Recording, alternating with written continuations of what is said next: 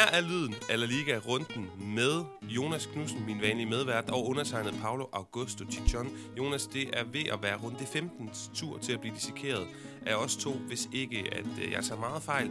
Vi har glædet os, som vi altid har gjort. Øh, vi skal snakke om spansk fodbold. Der er sket mange ting i runden. Det er det her lidt nye format, der er sådan en lille smule mere lidt mere løst, og øh, vi får lov at snakke lidt mere om det, vi har haft mulighed for at se, og det, vi har lyst til, og snakke om det, vi har på hjerte, det, der er mere interessant i vores øjne, om forhåbentlig i lytternes også. Og så alligevel starter vi jo med noticias, hvor at der er en ny trænerskikkelse i spansk fodbold. Elche har hyret Francisco. Jeg tænker, du var helt op at køre, da du så det her. Ja, det er jublende øh, gensyn med en øh, vaskeægte trænerlegende fra, fra La Liga. øhm, ej, hvis, øh, hvis vi lige skal fortælle, altså vi var, vi var jo igennem nogle, nogle flotte navne, øh, som, øh, som Super Deporte, øh, Valencia-avisen havde, havde bragt i spil øh, sidste, sidste gang vi snakkede, Pablo Martin, Kike Setien, øh, Diego Martinez og, og så videre. Det blev så en lidt mere, øh, skal vi sige, ydmyg øh, træner, men alligevel en, der har har noget erfaring øh, fra La Liga, altså øh, Francisco Rodriguez, han startede i, altså i, øh, i 13-14, hvor han faktisk blev rykket op øh, fra at have været, været B-holdstræner i Almeria, øh, og så, øh, så blev han forfremmet øh, til, til Almerias første hold, øh, overlevet med et point ned til, til nedrykningsstregen den første sæson, og blev så fyret 14 kamp ind i den anden sæson, øh, mens øh, Almeria lå under stregen. Øh, næste vi ser til ham, det er så i, øh, i sæsonen 18-19, hvor han, øh, hvor han er træner for Huesca. Øh, han bliver, bliver fyret. Nej, han, han, han træder ind i sæsonen efter, efter ni runder, hvor Wesker ligger i fedtefadet, og han formår, øh, han formår ikke at bringe dem tæt på overlevelse. De rykker ned med, med syv point op til, til holdet lige over stregen. Øh, og siden der har han så haft en, en periode i Girona i, i Segunda Division, hvor han har gjort det udmærket, øh, indtil i sommer, hvor han, øh, hvor han stoppede, øh, stoppede det job. Så øh, Altså øh, en træner, øh, som måske startede sådan øh, med lovende takter, men som så er sådan glædet lidt ud i, i glemslen og, og får en, en ny spændende chance nu øh, i, i Elche. Det er en spændende chance, det skal jo siges med det samme, at de folk, der har siddet og ansat ham, som udgangspunkt har nogle helt andre kompetencer end dig og mig til at sidde og vurdere, om han er en rigtig mand.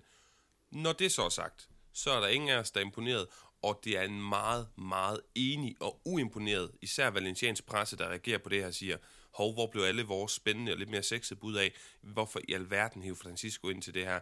Øh, de, de, er, de er meget undrende over det her, det tror jeg også, at, at vi er, Jonas, øh, men altså uimponeret, og det er også et tema, der går igen i noget andet, vi lige skal vende heroppe i Noticias-delen, nemlig de spanske hold i den øh, øh midtuge, vi lige har været, vi lige har været igennem. Øh, det var vel en lille smule traumatiserende for, øh, for øjnene at skulle sidde og kigge på med spanske briller på Champions League, især fokuset der med de her fem hold, hvor det jo kun er Real Madrid, der er videre efter, efter fem af de seks spillerunder.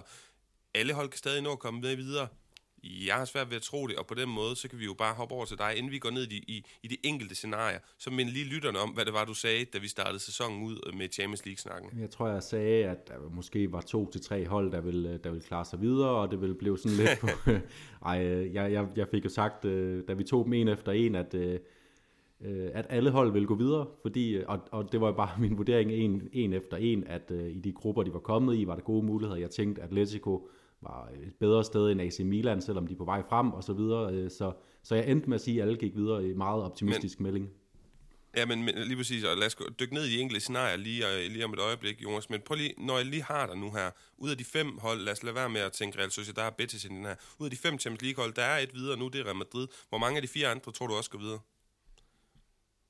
Jeg, jeg, tror, jeg tror, at der er to, der går videre, øh, ud over Real okay. Madrid og det er en, det er en statsgaranti udstedt af Jonas Knudsen, mine damer her. Men lad os uh, gå ned i de enkelte scenarier, fordi Jonas, jeg er ikke god til matematik, det tror jeg heller ikke, du er. Uh, vi, vi jo begge så kan med, og det er mere humanistiske uh, ting, vi har på, på det faglige, den faglige profil. Men for eksempel Barcelona, det er det mest high profile uh, scenarie, der er, fordi at det vil være så vildt, at de første gang nogensinde uh, ikke kvalificerer sig. Og det gør de ikke, hvis ikke de formår at matche det resultat, Benfica skal, øh, skal levere mod, jeg tror, det er Dynamo Kiev, øh, hvis ikke de kan matche det mod Bayern München. Bayern München, som jo altså sjovt nok er det her sindssyge, øh, godt kørende hold, men også et hold, som for længst er, er kvalificeret sig. Hvad tror du, der sker her? Ja, men øh, man, man kunne godt normalt tænke, at så er der god chance for, at Bayern München de lige trækker lidt i, i håndbremsen og og efterlader en mulighed for, at det her, øh, det her stærkt stikket FC Barcelona øh, kan hive et resultat øh, nede i, i München.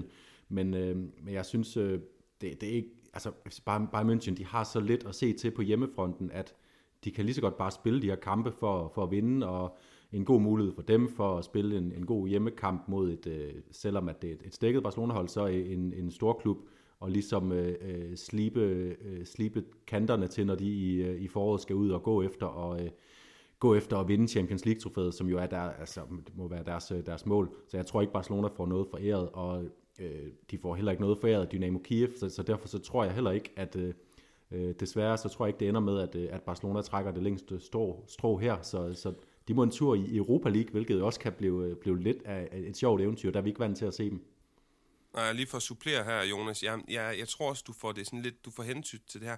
Jeg tror, at, at at øh, jeg tror måske faktisk, at Barcelona kan gå videre, men ikke fordi de vil øh, levere noget, noget pænt mod Bayern München, men fordi at øh, Dynamo Kiev måske kan drille Benfica. Altså så godt et hold er Benfica måske heller ikke, og Champions League er altid en, en, en, svær, en svær størrelse på den måde. Det vi så skal holde øje med, ojo, det er, at Barcelona i Europa League vil være på det, for det første en fadese, en krise, en skandale øh, på, på ud, det udseendesmæssige. Det vil godt være, at det kunne være en fin måde for hår på brystet for de her unge spillere, men det vil være nogle forpligtelser, du ikke bare kan, du kan ikke bare give op på den turnering. Økonomisk er det nogle helt andre tal, vi snakker om, så det vil være mildest talt katastrofalt, eller hvad tænker du, Jonas? Ja, det vil det, og, og der, der må jeg lige vende, men det vil det på alle måder, både sådan statusmæssigt, og det vil være en understregning af det sted, de er, og, og det vil øh, bygge oven på den, øh, den krisestemning, der jo er, til trods for, at Xavi er kommet ind og har skabt sådan lidt mere øh, euforisk stemning omkring øh, klubben. Øh, så, så vil jeg lige vende tilbage til, jeg kan huske øh, sidste gang Barcelona spillede i øh, dengang øh, UEFA-koppen, der var det fordi, man ikke havde kvalificeret sig igennem øh, sin ligaplacering, og der, der røg man jo ud til Liverpool efter et par tæt øh, kæmpede semifinaler, så vidt jeg huskede, og så var det, så var det der, vi fik den fantastiske finale med, øh, med Liverpool og Deportivo Alaves. Øh, ja, hvis ikke jeg husker helt forkert, det, det kan også være, at Liverpool mødte et andet hold senere øh, i turneringen, men Barcelona røg i hvert fald ud til Liverpool dengang, hvor, hvor de var endt nummer, nummer 5 eller sådan noget i, i La Liga. Så det er jo et uvelkomment øh, øh, gensyn med en, øh, med en turnering, de ikke skal spille. Det kunne være fuldstændig vanvittigt. Jeg tror stadigvæk, hvis jeg skal sætte, øh, komme med et bud, så tror jeg at faktisk, Barcelona går videre. Og som sagt, det kunne godt være, at Dynamo Kiev bliver deres venner lige pludselig. Men lad os så videre til næste scenarie. Det er jo øh, Sevilla, som de skal, det er meget simpelt, de skal vinde over Salzburg ude. De har Salzburg ude, og hvis de vinder der, jamen så er de sikret videre deltagelse. Og man må sige, som Sevilla leverer på Banabeo i går aftes, vi kommer mere tilbage til det senere i den reelle runde gennemgang, det er et hold, som selvfølgelig godt kan gå ud. De er bedre end Salzburg. Selvfølgelig kan de gå ud og vinde over Salzburg. Om de gør det, men det vil jeg så ikke lade. Jeg har desværre ikke mulighed for at spørge Lopetegi, så jeg spørger dig, Jonas. Hvad tænker du? Jamen, jeg, øh, det, det er også, øh, når jeg sagde øh, to hold øh, ud over Real Madrid, der går videre, så var Sevilla øh, det hold, jeg var, jeg var sikker på. Jeg tror, at de øh, går ned og henter det resultat, der skal til. Øh, de har haft et lidt mærkeligt forløb i den her turnering, spillet nogle uafgjorte kampe, som de burde have, burde have vundet, og været i en gruppe, som jeg har, jeg har gentaget nogle gange, hvor at de er bedre end alle de hold, de møder. Øh, og så har den bare lige ikke tippet til deres øh, fordel, og de har heller ikke overbevist. Men jeg tror, øh, når, når nu det lige, øh, de får kniven mod stroben i, øh, i Østrig mod, hvad jeg synes er gruppens svageste hold, så tror jeg, de, de henter, øh, henter de tre point, der skal til. Og så har vi jo Villarreal, den gule ubåd, som har leveret nogle ja, flotte resultater, især også, og så også nogle flotte kampe, flotte kampe mod øh, især Manchester United, men der er de så tabt flotte resultater, og det var måske mere mod, mod Young Boys. Deres scenarie i sidste, i sidste runde, 6. kamprunde af Champions League-gruppespillet, det er, at de ikke skal tabe, når de møder Atalanta ude, altså i Bergamo. Der sidder jeg og lurer på, det der godt, det, det, jeg tror ikke, det bliver en taktisk affære, jeg tror bare, det bliver sådan lidt en gung kamp og, og, og så må vi bare krydse fingre. Det er sådan, jeg har det. Ja, for man kan jo ikke, man kan ikke øh, holde Atalanta nede. Altså, det vil være en fejl, at vi allerede tror, de kan, at de kan øh, hverken kontrollere den ved at stå øh, langt tilbage og forsvare deres mål, eller øh, bare holde fast i bolden, fordi begge, begge, begge scenarier, der vil øh, Atalanta komme til at gøre ondt på dem. Så vi Villarreal skal have, de skal have øh, simpelthen, øh, de skal, de skal have skærpet deres øh, evne til at, at skabe, øh, til at spille deres chancer større, som vi også kommer til at snakke om senere, når vi skal igennem runden, og til så også og selvfølgelig score de mål, der skal til. Hvis de scorer et par mål øh, øh, nede i Atalanta, så, så har de gode muligheder for uafgjort, men de kommer til at lukke nogen ind. Øh, og jeg tror, det er et uafgjort resultat, der skal sikre via, via, via alle avancement, og, og jeg tror, der er, jeg, jeg siger, de har, de har 60% chance for videre avancement, som jeg ser det lige nu, fordi uafgjort, det er et resultat, de, de godt kan sigte efter realistisk øh, i Bergamo. Fantastisk. Og så altså til sidst Atletico Madrid. Og den er sådan lidt kringlet. De skal vinde ude over Porto, og så skal de håbe, at Milan ikke vinder, når de tager imod Liverpool i Italien. Og hvis Milan vinder over Liverpool, så skal Atletico Madrid vinde over Porto med mere, flere mål, minimum et mål mere, end det AC Milan i det hypotetiske tilfælde vil gøre mod Liverpool. Der tænker jeg, altså det er måske det er jo svært. Atletico Madrid er super utilregnelig for tiden, men måske der, hvor jeg sidder og tænker, at det burde være på papiret det mest overkommelige scenarie.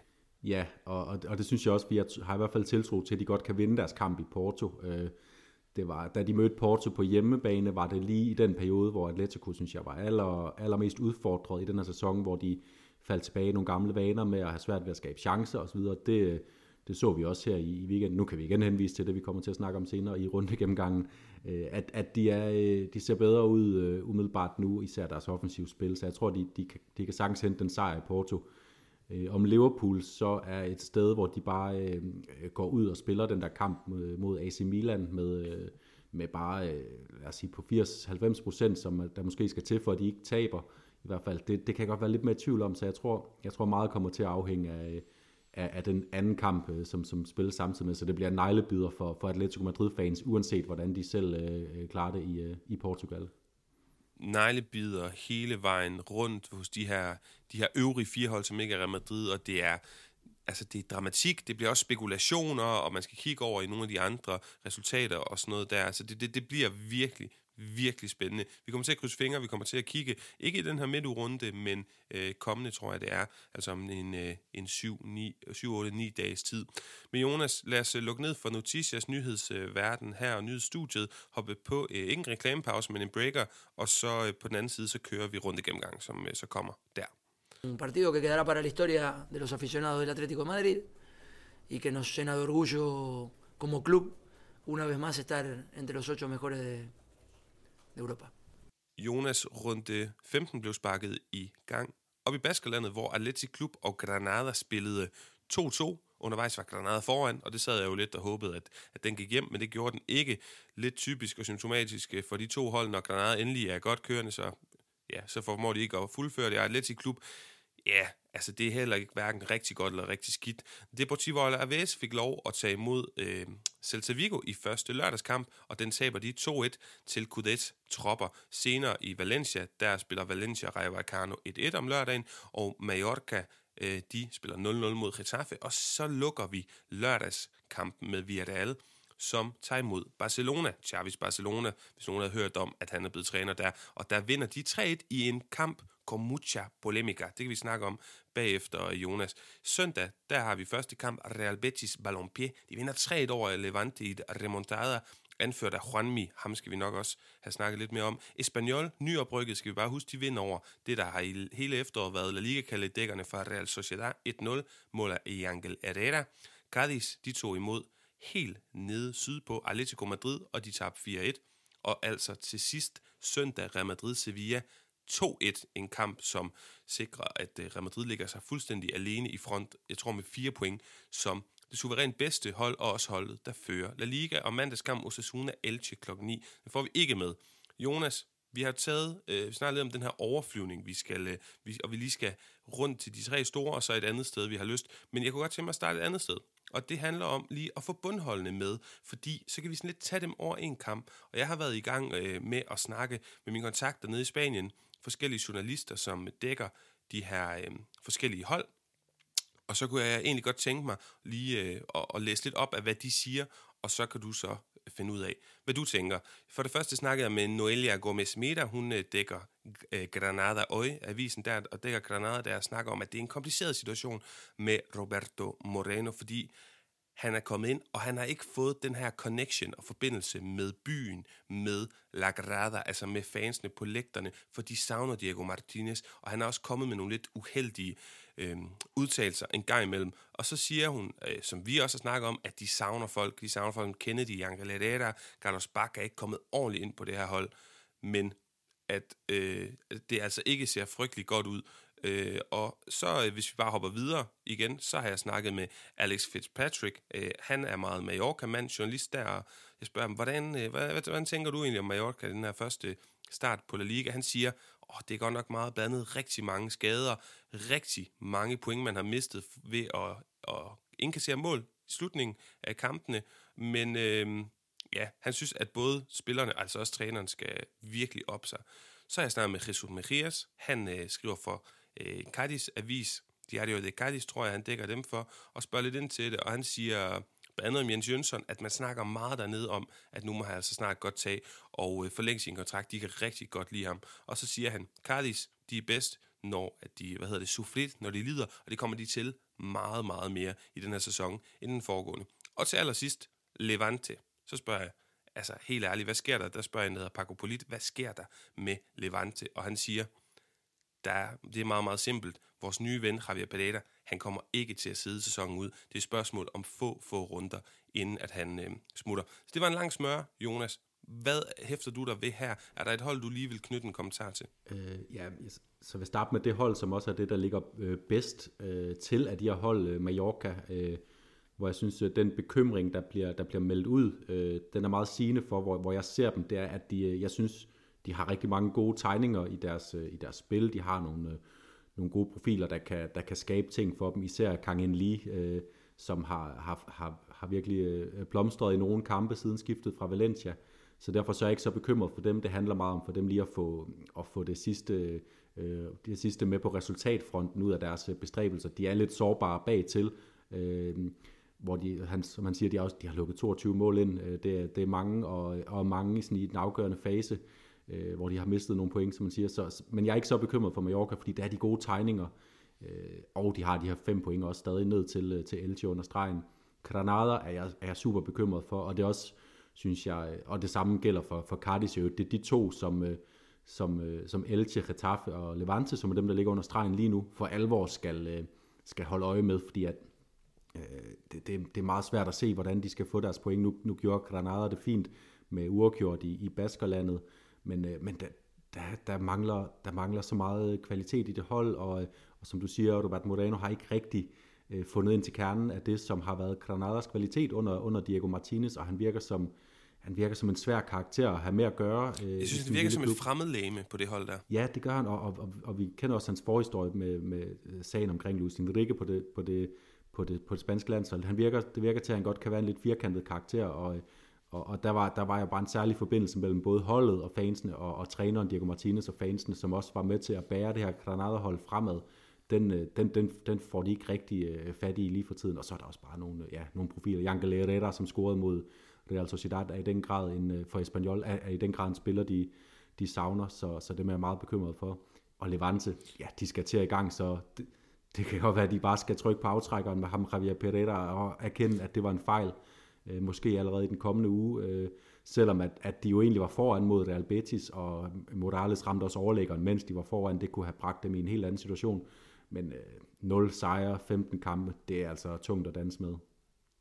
Yes, men Jonas, lad os øh, hoppe videre i overflyvningen. Jeg synes bare, vi skal hoppe til lørdag aften. Villarreal på La Ceramica, Barcelona, den ender 3-1. Det er en, en, en kamp, som havde alt, vil jeg sige. Den havde alt.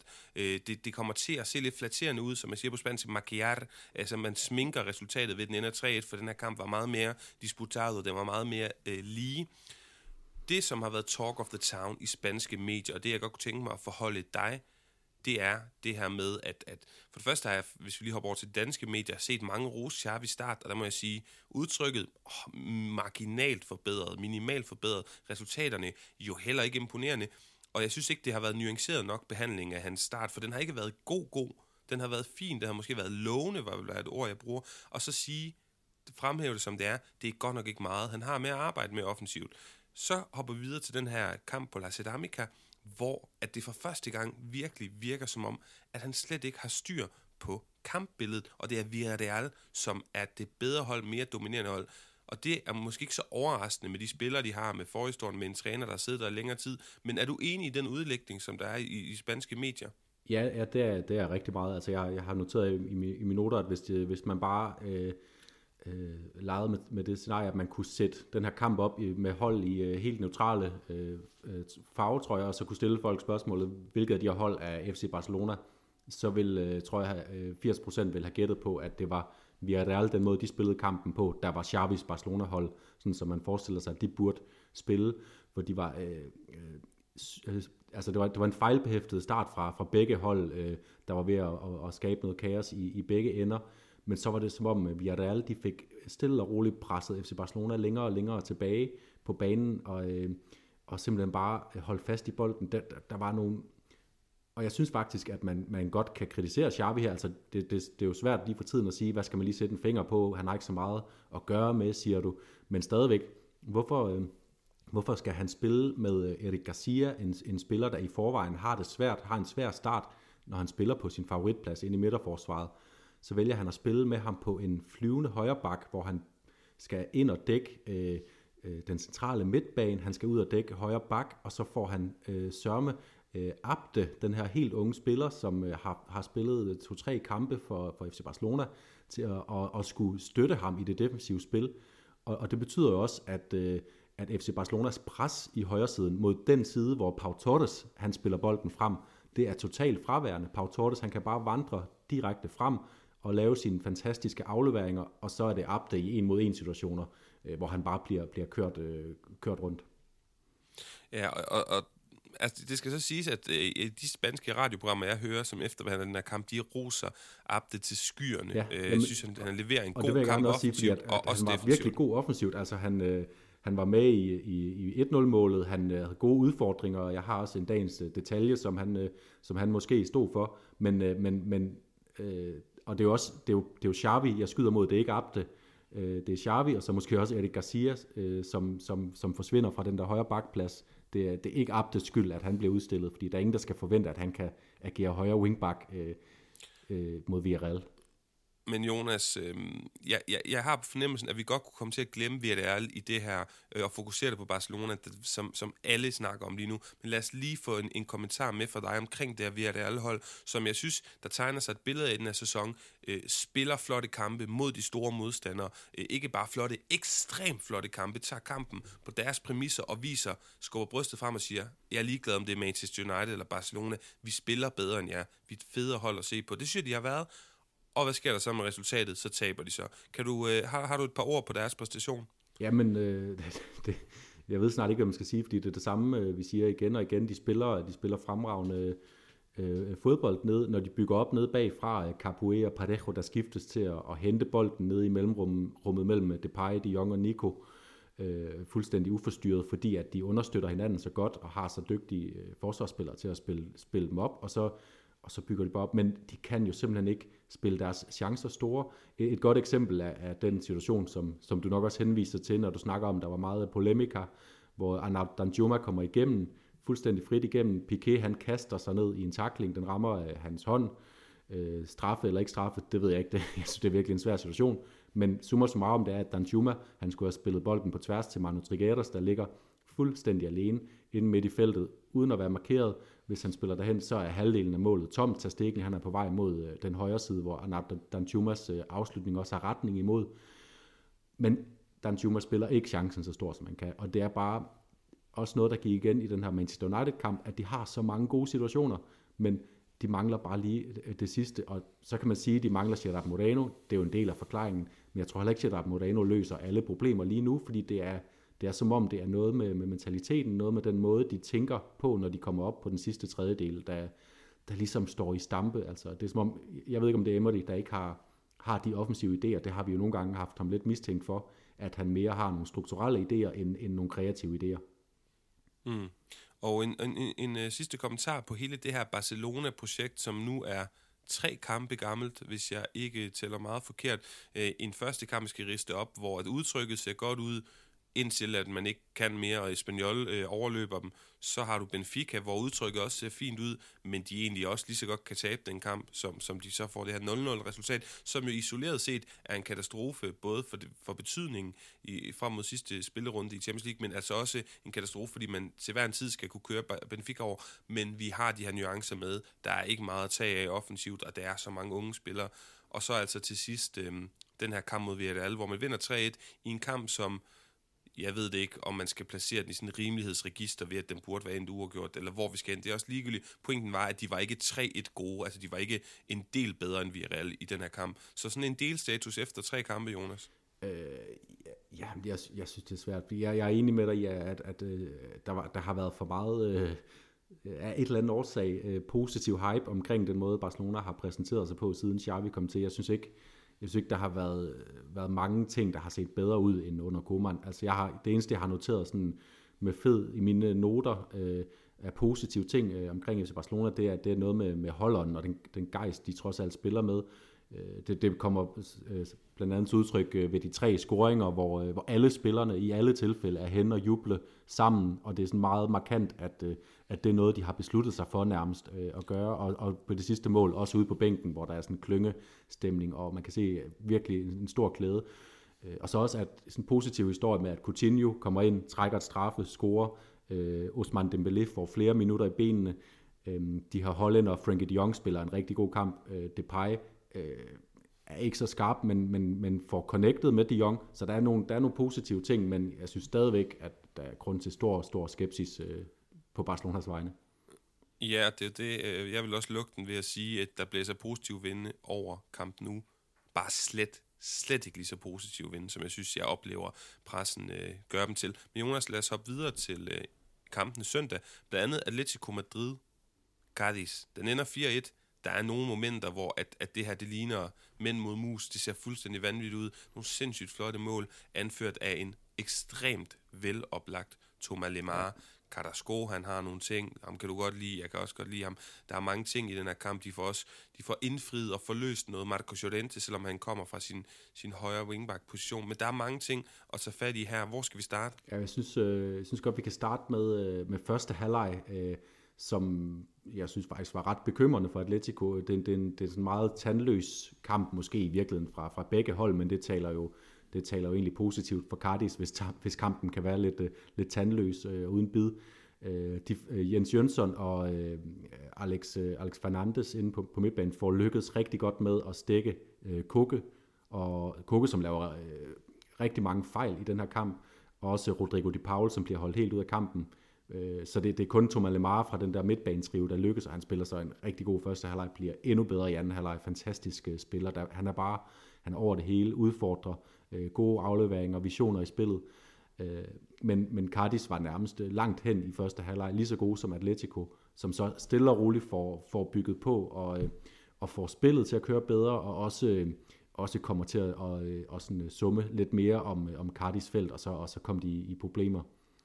Øhm, så det var, sådan, det var to forskellige halvleje, og meget Atletico-agtigt egentlig at, at spille sig ind i kampen på den måde. Øh, så, så, så, så egentlig ret, ret positivt for dem, trods alt, selvom, selvom der var dårlige tegn. Det, det er i hvert fald positivt, at de begynder at få, øh, få scoret nogle, nogle kasser. Altså, jeg synes, at, at der er flere ting i, i den her kamp øh, at fremhæve. Øh, Griezmann får både scoret og, og lagt op, selvom han ikke, det ser stadigvæk sådan super overbevisende ud af hans rolle på det her hold. Mateus Cunha synes jeg godt, man kan, man kan skrive lidt på, at han burde komme øh, ind på det her hold noget oftere. Jeg så en statistik, den var sådan lidt mærkelig, man skal tage med græn men alligevel en smule amativo, at, at 170 minutter, tror jeg det er, han har været på banen i La Liga, og i den periode, han har været på banen, har Atletico Madrid scoret 10 mål. Det har noget at gøre med det hen mod slutningen af kampene, der er remonteret, de sig mere, men stadigvæk det svarer til, hver 17. minut han er på banen, scorer de, og det, det, det taler ind i noget i forhold til i hvert fald den her kamp mod Cardis, og på det seneste, hvor jeg virkelig synes, Luis Suarez ser tung ud, og ikke bidrager til særlig meget. Og det får mig til at tænke på, om man kunne gøre lidt, som man gjorde i starten af sæsonen, sådan som jeg i hvert fald husker det, at øh, Simeone bruger ham som en revulsivo, som en, en, en indskiftningsspiller, en mand, der skal ind og, og, ja, og påvirke kampene i slutningen. Ja, det, det, det, det kunne man godt få den tanke, også fordi jeg synes faktisk, øh, øh, øh Chris Mann, nu var du ude efter ham, jeg synes, der var, der var nogle uskarphedstegn også, men som opspilsstation synes jeg faktisk, han gjorde det glimrende i den her kamp, øh, får nogle svære afleveringer ind i et tæt pakket øh, område, øh, øh øh, foran, øh, foran Cardis forsvar og får lagt en fin dag i spillet konstruktive afleveringer. Suarez er jo helt ude af kampen, og det, og, og det er bare et problem. Altså, skal han, øh, skal, jeg, jeg synes, det, hvis jeg var træner, og man slet ikke skulle tage højde for, øh, bliver Suarez utilfreds, eller kommer det til at skabe splid i omklædningsrummet, hvis han skal til at starte ude i de fleste kampe. Øh, det, det er virkelig en, en svær balancegang for Simeone, fordi det er jo også, må vi bare sige, når det brænder på, så er det Suarez, der, der oftest har, har, har kommet med de afgørende, afgørende mål. Så, men, men der skal findes et eller andet balance. Han skal ikke starte inden alle kampe, vil, vil, mit, vil, vil mit umiddelbare mest konstruktive bud være på, hvordan de løser det der.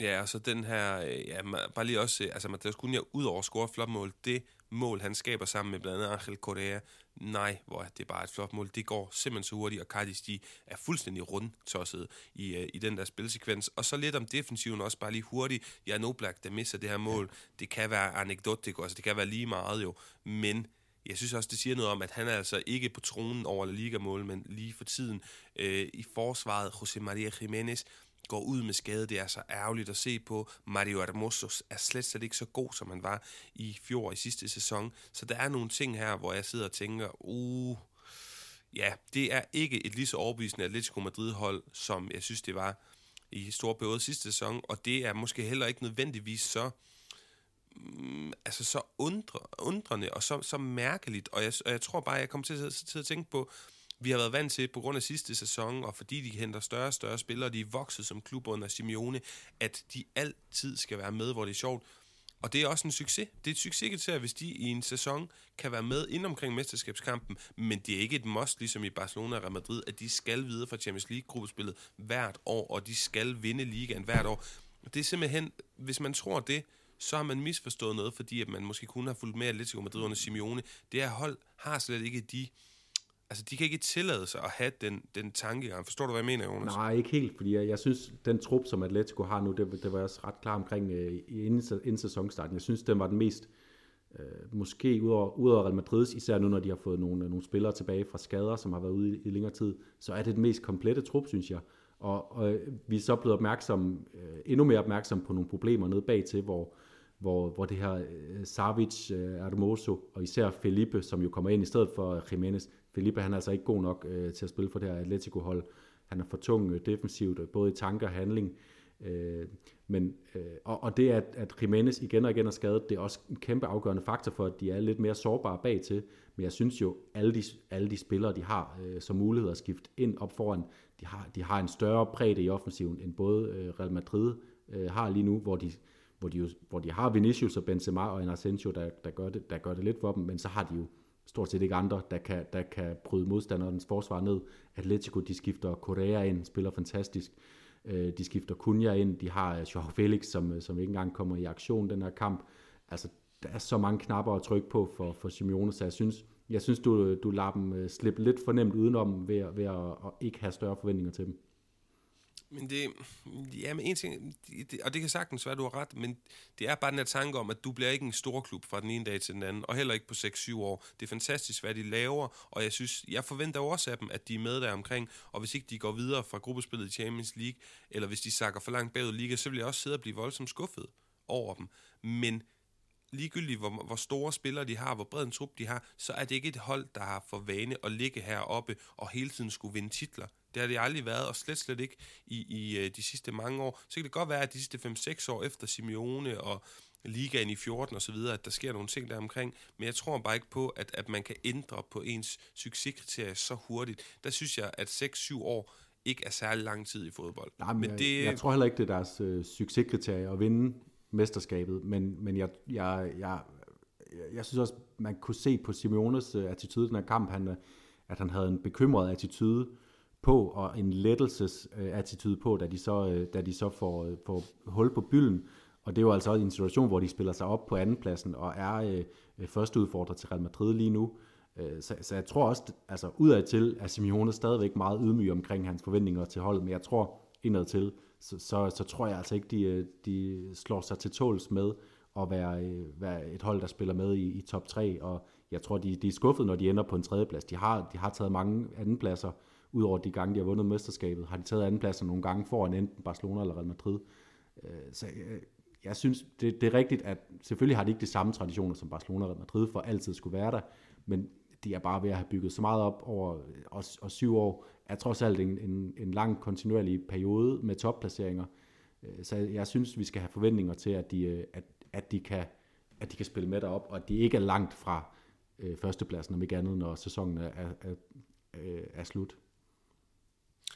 Lad os hoppe videre til søndag aften, hvor at øh, vi fra klokken 9 til cirka klokken 11 blev underholdt rigtig godt på Bernabeu, topbrag mellem Real Madrid og Sevilla. Og det var Sevillas fortjeneste, og det var Julian Lopetegis fortjeneste, for de spillede Real Madrid ud af banen. Det er måske en lille overdrivelse, men de var klart bedre, og det var det hold, nu snakker du om det her tankeeksperiment, Jonas, med at, sådan, at, at sløre spillere og spillerdragter, og så vil man tænke, hvem er topholdet, der spiller god fodbold? Ja, det er det, som hvis man så fik afsløret de rigtige farver og klubloget, endte med at være Sevilla, i hvert fald i største delen af kampen, især i første halvleg, og Lopetegi, der jo kommer tilbage til sin gamle klub, hvor han blev fyret på rekord hurtig tid. Jeg tror, han får 14 kampe i spidsen, men vi skal bare ikke glemme, at det er en periode, da han bliver sat ind, hvor han er et super hot navn. Han spiller fantastisk fodbold med det spanske landshold, og selvom det ikke lykkedes i Real Madrid, så er det jo hans svendestykke, det her Sevilla-hold, der nu på tredje sæson virkelig, virkelig er godt kørende.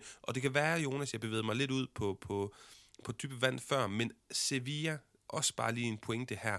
Sevilla, hvis de kommer i top 4, og de er bare i Champions League-gruppespillet hver sæson, at det er en kæmpe succes. For det er godt, hvad vi har været vant til de sidste 10-15 år, at, at de en gang imellem er deroppe, men det er jo, hvis vi igen skal lege med det her traditionsbillede i spansk fodbold, så er det jo en plads og en status som et hold som for eksempel Valencia før skulle indtage en Sevilla.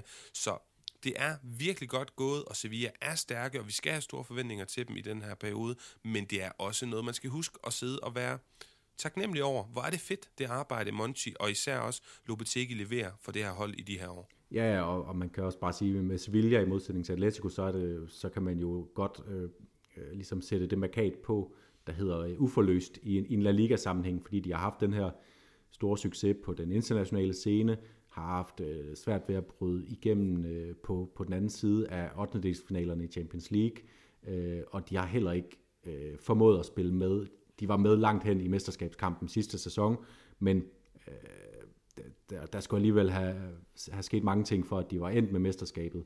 Så, så, så det er jeg helt med på, at det, det, for dem er det en, en succes at komme med i Champions League, fordi, øh, også fordi de har mere udskiftning i truppen, og på en måde, hvor de sælger de bedste spillere og køber nogen, der er lidt mere på vej frem, øh, i modsætning til, til Atletico, som køber, øh, køber lidt mere øh, forstærkninger og ikke sælger ud af, af guldet.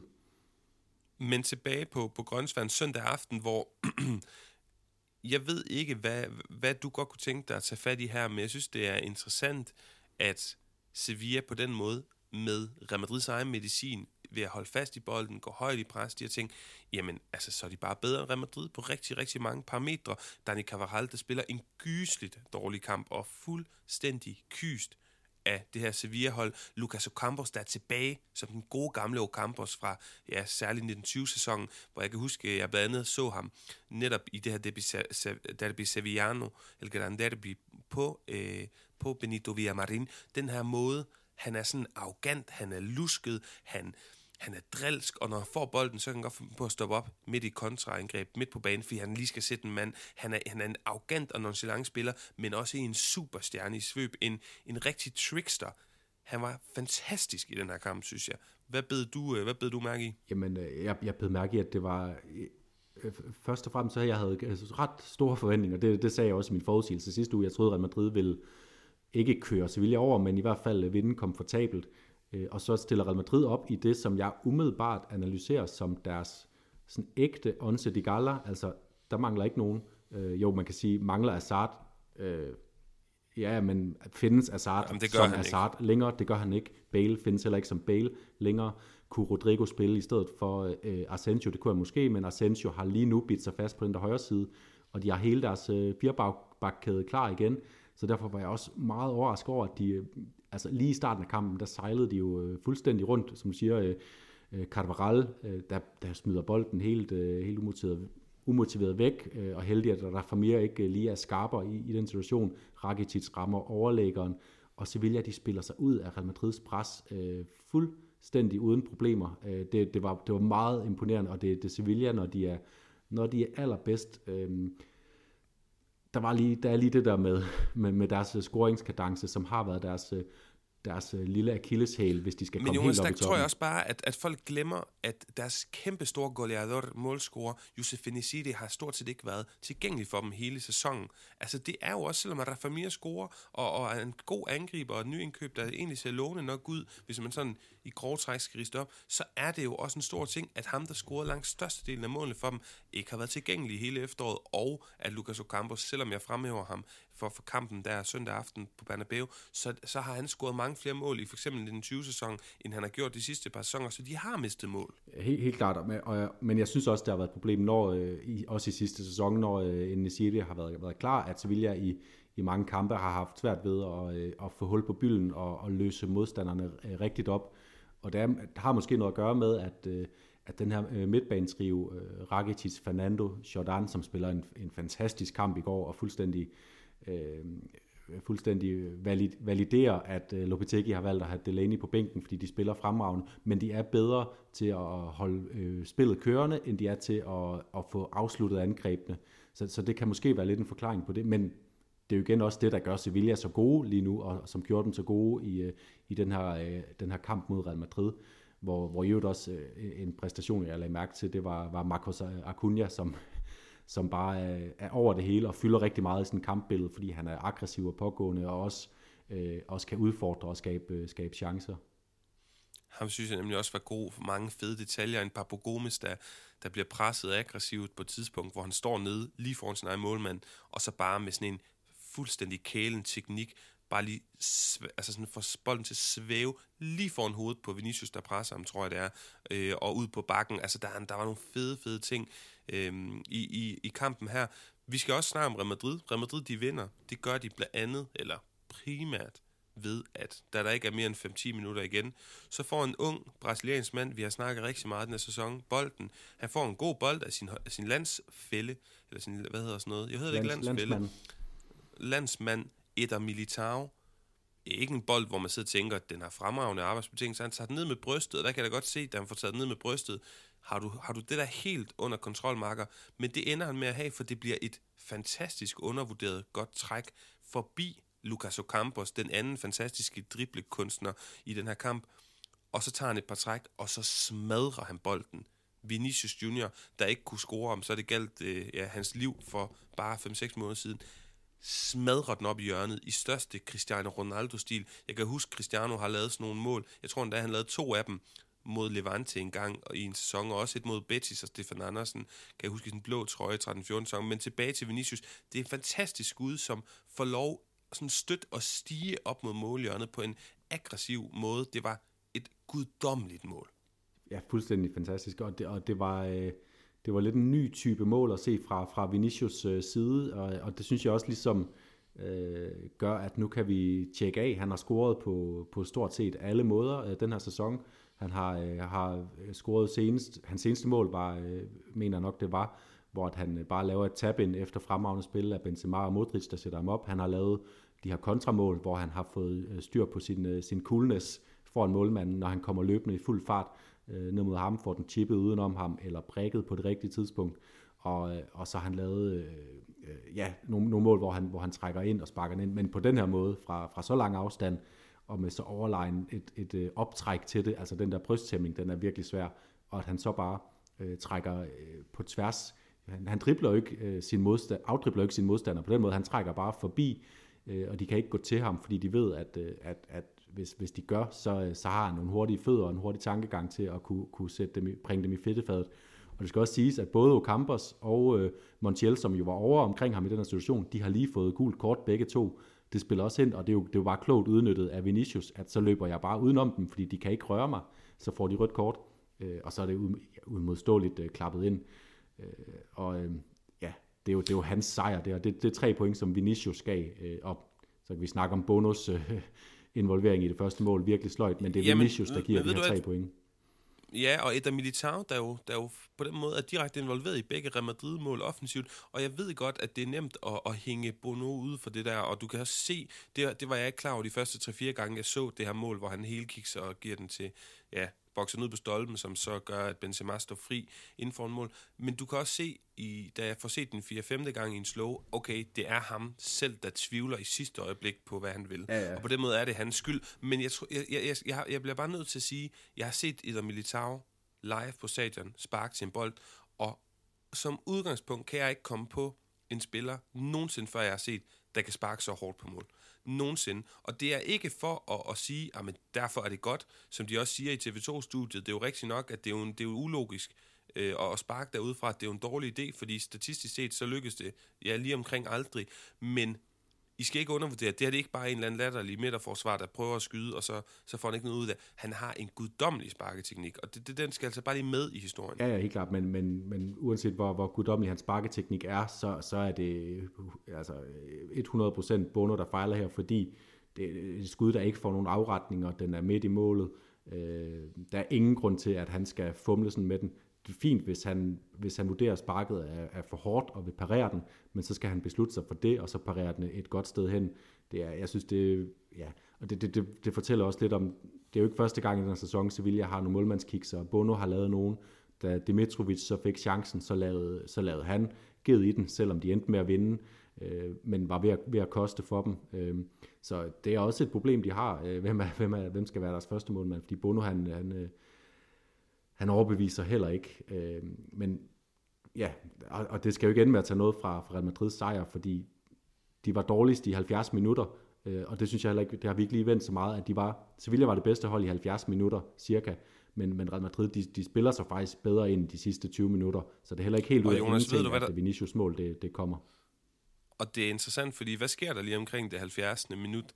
Ja, det er, ja, øh, jeg tror, det er, det er lige starten 70 minutter, der kommer Federico Valverde og Eduardo Camavinga ind, ah, de her to ja. unge midtbanespillere, dynamiske midtbanespillere. Jeg ved ikke, hvor meget du synes, det har med, med det hele at gøre. Jo, jo, men det har det. Jeg, jeg var bare glad for, at du ikke valgte negativ vinkel at sige, det var også der, at Delaney kom ind i stedet for, øh, for Rakitic. Øh, og jeg synes faktisk, at Delaney spillede en, en lidt forvirret kamp. Han fandt overhovedet ikke ind i, i nogen rytme, selvom han så var ved at og jo faktisk øh, udligne i overtiden, men, men, men skidt, skidt optræden af ham, synes Nej, jeg. men det var, jeg, jeg vil fremhæve uh, Carlo Ancelotti, ja. der nogle gange får for hug for ikke at reagere til tide. Det synes jeg, han gør her. Jeg synes virkelig, at det gør en forskel. Især Altså, af de her to, der er det jo Valverde, der har mest erfaring, både på holdet, men klart også mest erfaring med at agere på den her højre kant, og sådan generelt offensivt, selvom de begge to er otter af natur. Og lige pludselig, jamen så kommer han til at modbevise mig, ikke Valverde, men den 8, unge Kammervinga, som jeg har sagt flere gange her i programmet, spil ham nu som 8 eller 6'er. Det er hans naturlige positioner.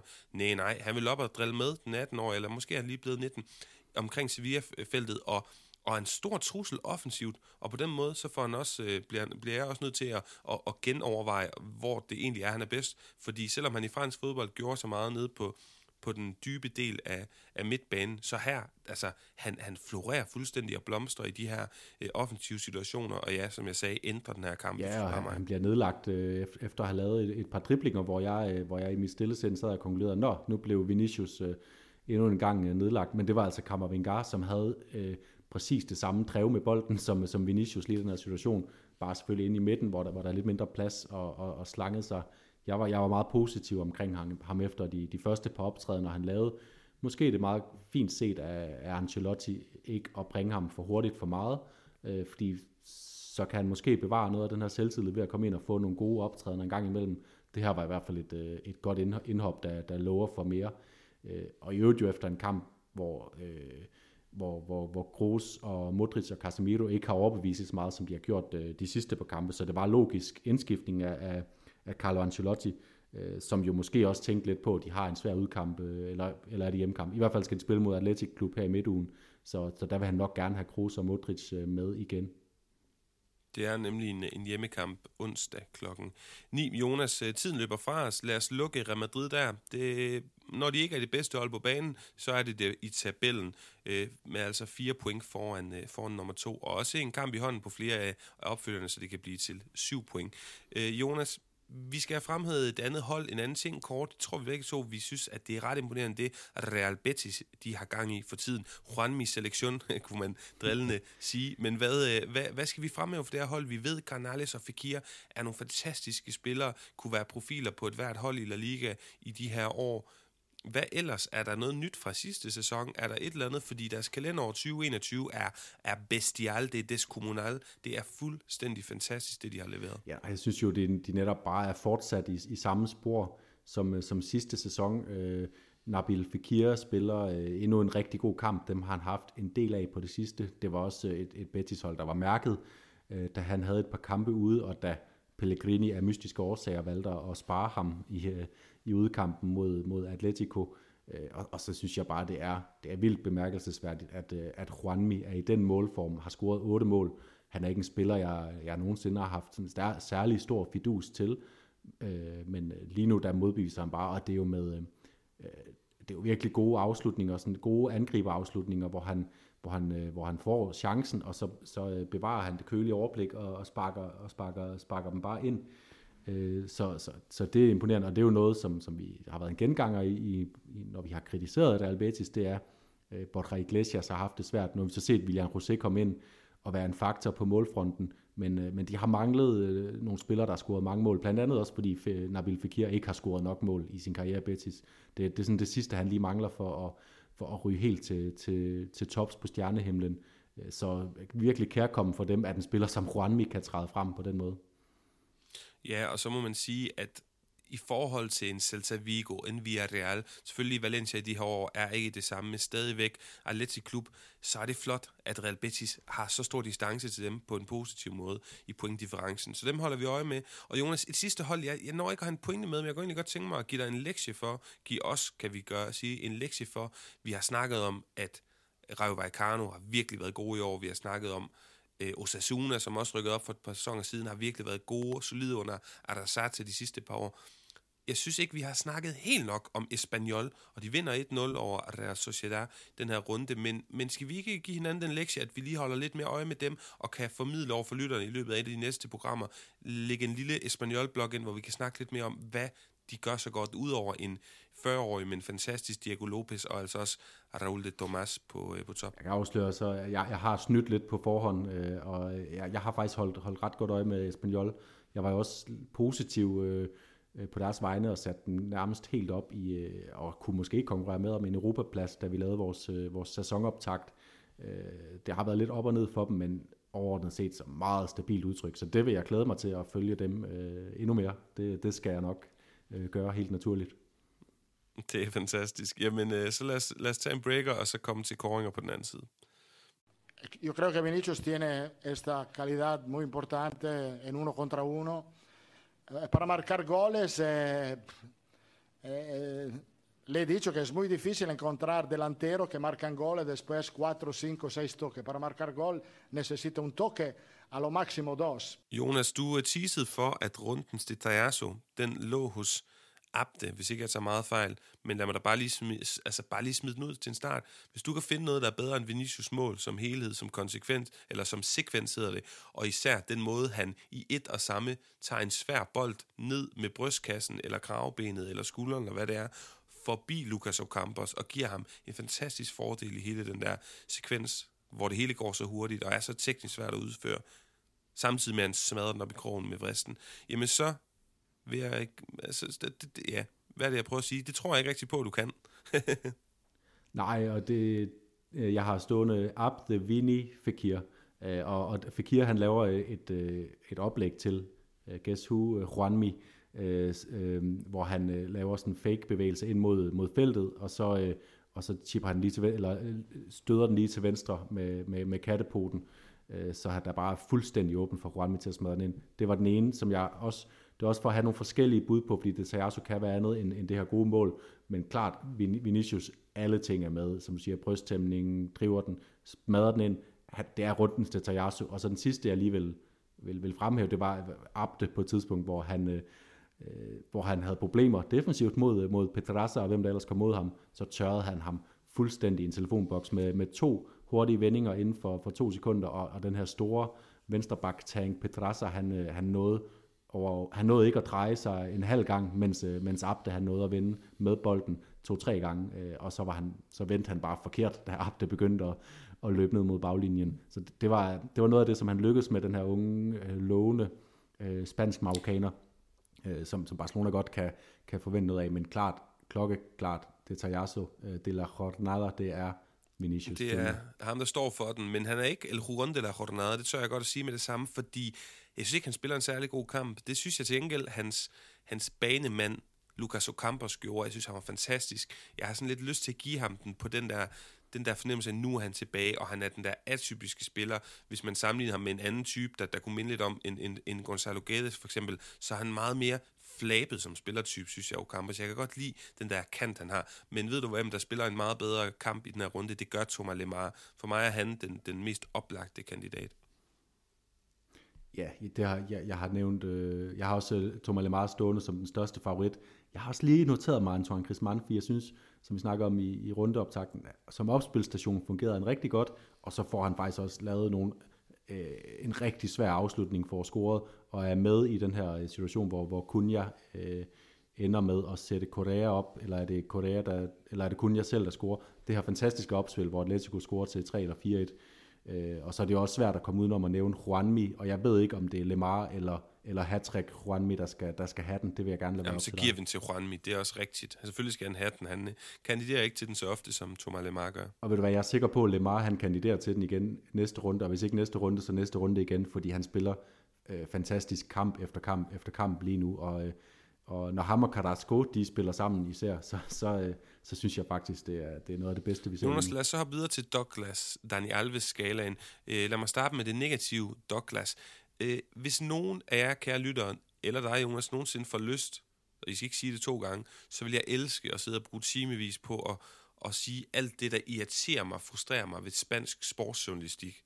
Og her kommer en meget simpel ting – de bruger en time på at kæfte op i det mest seriøse, troværdige, anerkendte, bedste sports radioprogram El Larguero i går aftes, efter Real Madrid har vundet Bernabeu, om at diskutere, hvem af de her 12 anerkendte, kendte, dygtige spanske sportsjournalister, de bedste, der er i faget, hvem af dem har egentlig kritiseret Vinicius før i tiden, nu hvor han er god, så er det jo pinligt, man har kritiseret ham før i tiden. Og de bliver alle sammen enige om, du, ah, men du sagde også, at han var dårlig. Jamen, det gjorde du også kære venner, alle, der har et eller andet format, har selvfølgelig kritiseret Vinicius før i tiden, for han har været kritisabelt præsterende før i tiden.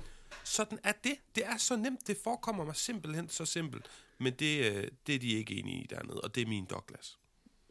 Og jeg, og jeg, og jeg hørte det samme. Øh, I øvrigt startede de udsendelsen med at sige, at øh, nu er Vinicius øh, Ballon d'Or-spilleren. Øh, han er foran Mbappé lige nu, og jeg kan sagtens forstå den tankegang. Han er i den grad ved at bevæge sig op af. Jeg tror også, vi kommer til at se ham bevæge sig op imod det der podie, når, når afstemningen skal ske i 2022, fordi at, at det er der, han bevæger sig op med den måde, han scorer mål på lige nu, og den måde, han stadigvæk øh, spiller på nogle af de kampe også, hvor han ikke scorer mål. Øh, og der var så fornuftens stemme, øh, jeg, jeg, jeg kan ikke huske, hvem af dem det var, men som sagde, ja, som du siger, selvfølgelig har vi kritiseret Vinicius. Forskellen er, har vi lavet memes, har vi, har vi været modbydelige mod ham? Det tror jeg ikke, vi alle sammen har. Nogle af os har måske.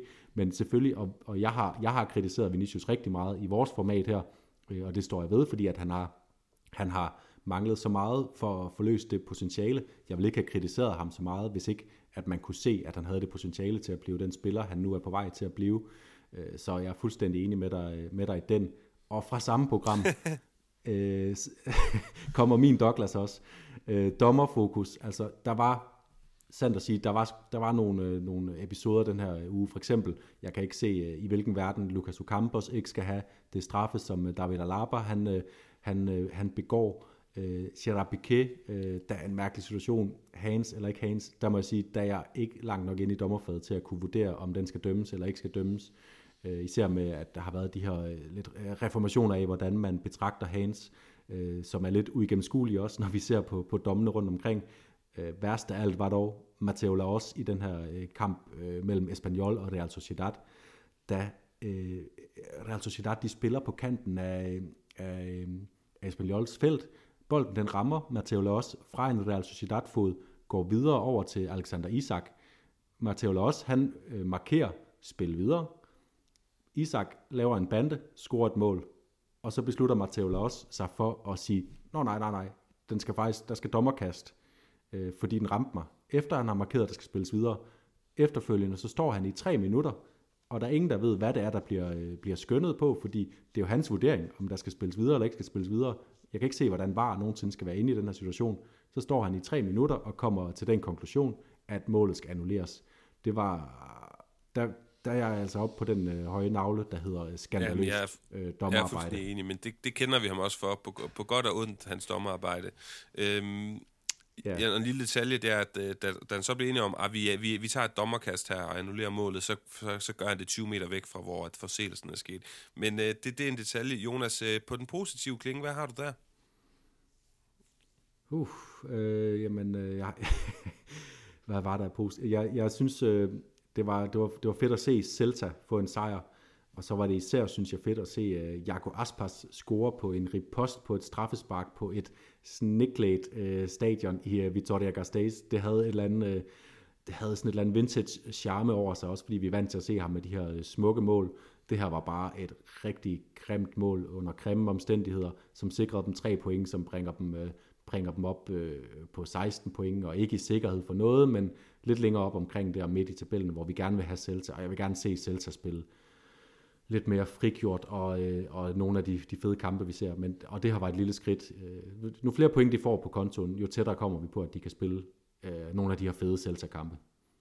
Ja, jamen øh, den er modtaget. Min, den bliver lidt mærkelig, den bliver lidt meta. Det, jeg, jeg håber, du godtager den. Den positive historie i spansk eller omkring spansk fodbold, fra mit subjektive perspektiv den her uge, det er noget, der skete i går, Jonas.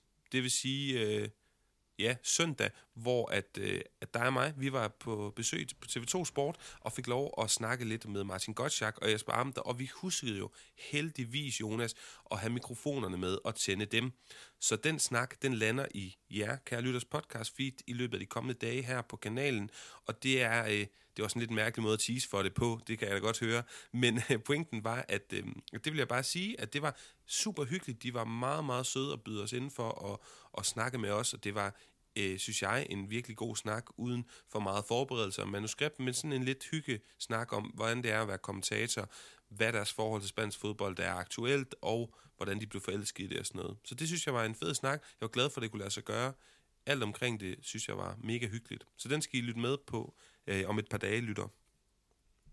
Helt klart. Kæmpe, kæmpe positiv klinge der. Paul, jeg bliver nødt til, øh, jeg ved ikke, om der er nogen, der har pisset på min sukker, sukkermad i dag, men jeg bliver lige nødt til at smide en til Douglas, øh, for jeg synes faktisk, den, den er lidt vigtig. Øh, det, der, det, der sker i Valencia lige nu, det bliver bare mere og mere, øh, mere skandaløst omkring ledelsen. Der var jo øh, der var protester mod, øh, mod Peter Lim og, og ledelsen den her, den her weekend.